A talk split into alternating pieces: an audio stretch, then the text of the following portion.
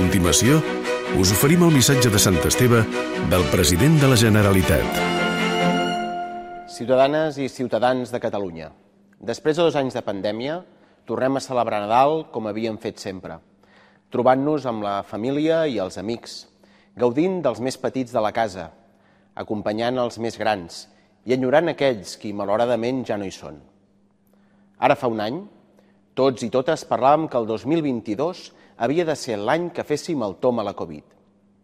L'any en què deixéssim enrere totes les restriccions i s'encaminés, amb tota l'ambició i voluntat transformadora, la recuperació de l'economia.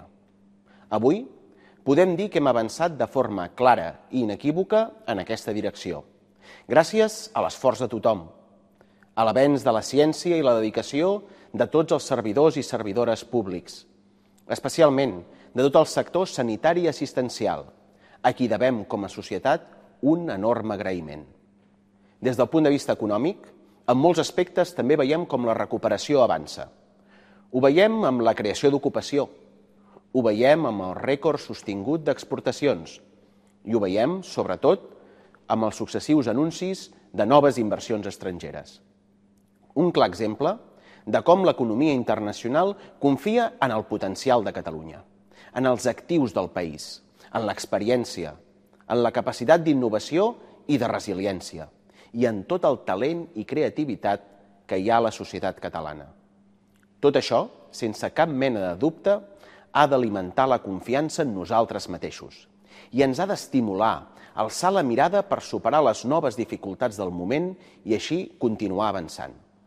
Dificultats globals com les provocades per la invasió russa d'Ucraïna, una amenaça pels valors europeus de la democràcia i els drets humans, i que ens exigeix, com a europeistes, tot el compromís en defensa de la llibertat d'Ucraïna i el restabliment de la pau.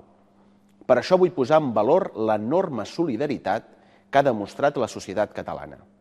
Però la guerra d'Ucraïna també s'ha traduït en dificultats econòmiques que afecten directament la ciutadania de Catalunya, amb l'augment del preu de l'energia i del cost de la vida.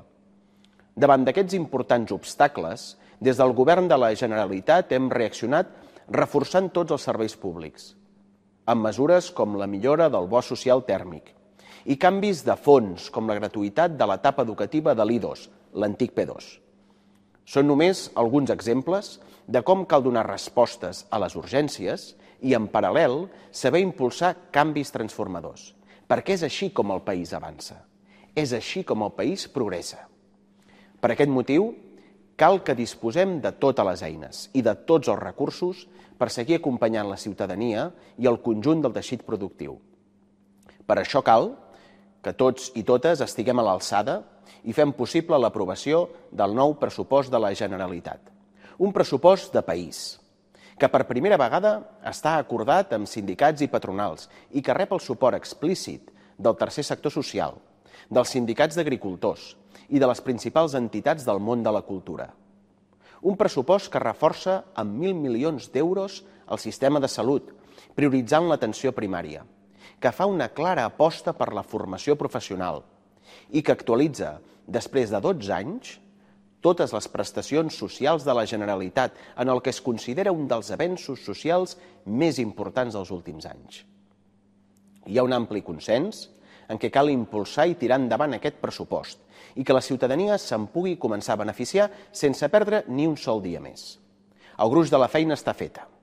Només cal voluntat política per fer-ho possible. Per això demano als grups parlamentaris amb qui encara no ha estat possible arribar a un acord, responsabilitat envers la ciutadania i que no demorin més la seva decisió. Energia, perseverança i convicció. Tenir clar l'horitzó i no deixar d'obrir camí. A sent conscient que sempre apareixen obstacles i dificultats que hem de poder superar. I que ho hem de fer construint un camí ample per on pugui caminar tothom acompanyant totes les persones per evitar que ningú es quedi enrere i habilitant un espai on tots i totes puguem avançar, sempre endavant, amb el pas ferm i el cap alçat.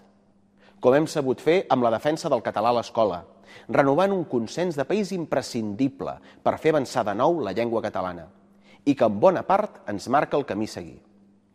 Perseverar és clau per avançar per tirar endavant. I en base a aquesta insistència, avui és evident que el diàleg i la negociació per resoldre el conflicte polític amb l'Estat comença a portar els seus fruits. Es va dir que era impossible derogar la sedició. Es va dir que era impossible modificar el delicte de malversació. I avui, el delicte de sedició, pel qual van ser condemnats els presos i les preses polítiques, ja no existeix i s'han limitat bona part dels aspectes de la malversació que, manipulant la llei vigent, permetien perseguir l'organització del referèndum de l'1 d'octubre. Sense cap mena de dubte, aquests passos endavant milloren la situació del conjunt de represaliats i represaliades per l'1 d'octubre. I, sobretot, són un pas imprescindible per avançar cap a aconseguir els efectes de l'amnistia que permetin posar fi definitivament a tota forma de repressió. Estem avançant, per això, ara cal obrir una nova fase de la negociació i trobar una solució a l'origen del conflicte polític. Trobar una solució a la incapacitat de l'Estat de donar resposta a l'àmplia majoria de ciutadans i ciutadanes de Catalunya que vol decidir democràticament, lliurement i pacíficament el futur polític del país. I on molts volem decidir i decidirem independència. Fins que no hi donem resposta, el conflicte polític existirà, i és responsabilitat de totes les parts implicades, del govern de Catalunya i del govern de l'Estat, construir a través del diàleg, la negociació i l'acord una via democràtica, un camí democràtic que ens inclogui a tots i a totes, per fer possible que la ciutadania de Catalunya decideixi el futur del país. A la societat catalana hi ha un ampli consens sobre la necessitat de resoldre el conflicte amb l'Estat votant. Per això, aquest 2023, la Generalitat impulsarà un debat, una gran conversa amb el conjunt de la societat per donar forma i visualitzar aquest consens. Per visualitzar un acord entre nosaltres sobre quan Catalunya ha de poder tornar a exercir el dret a decidir, sobre en quines condicions s'ha de tornar a votar perquè aquesta vegada totes les parts s'hi sentin incloses i tothom accepti el resultat, el 2023 ha de ser l'any de donar forma a la proposta catalana d'acord de claredat. Un gran acord a Catalunya que ens ofereixi tota la força i tota la legitimitat interna per ser defensat davant de l'Estat com una proposta de país.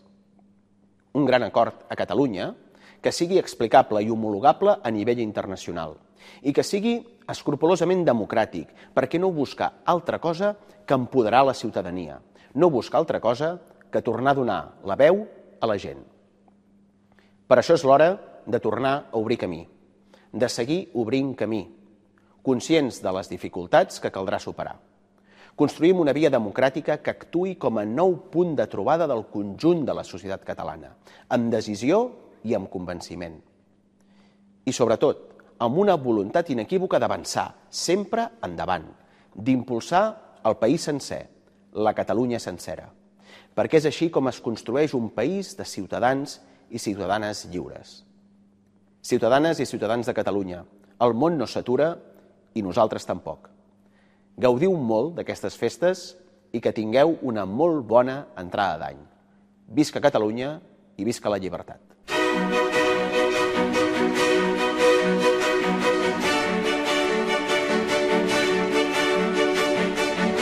Us hem ofert el missatge de Sant Esteve del president de la Generalitat.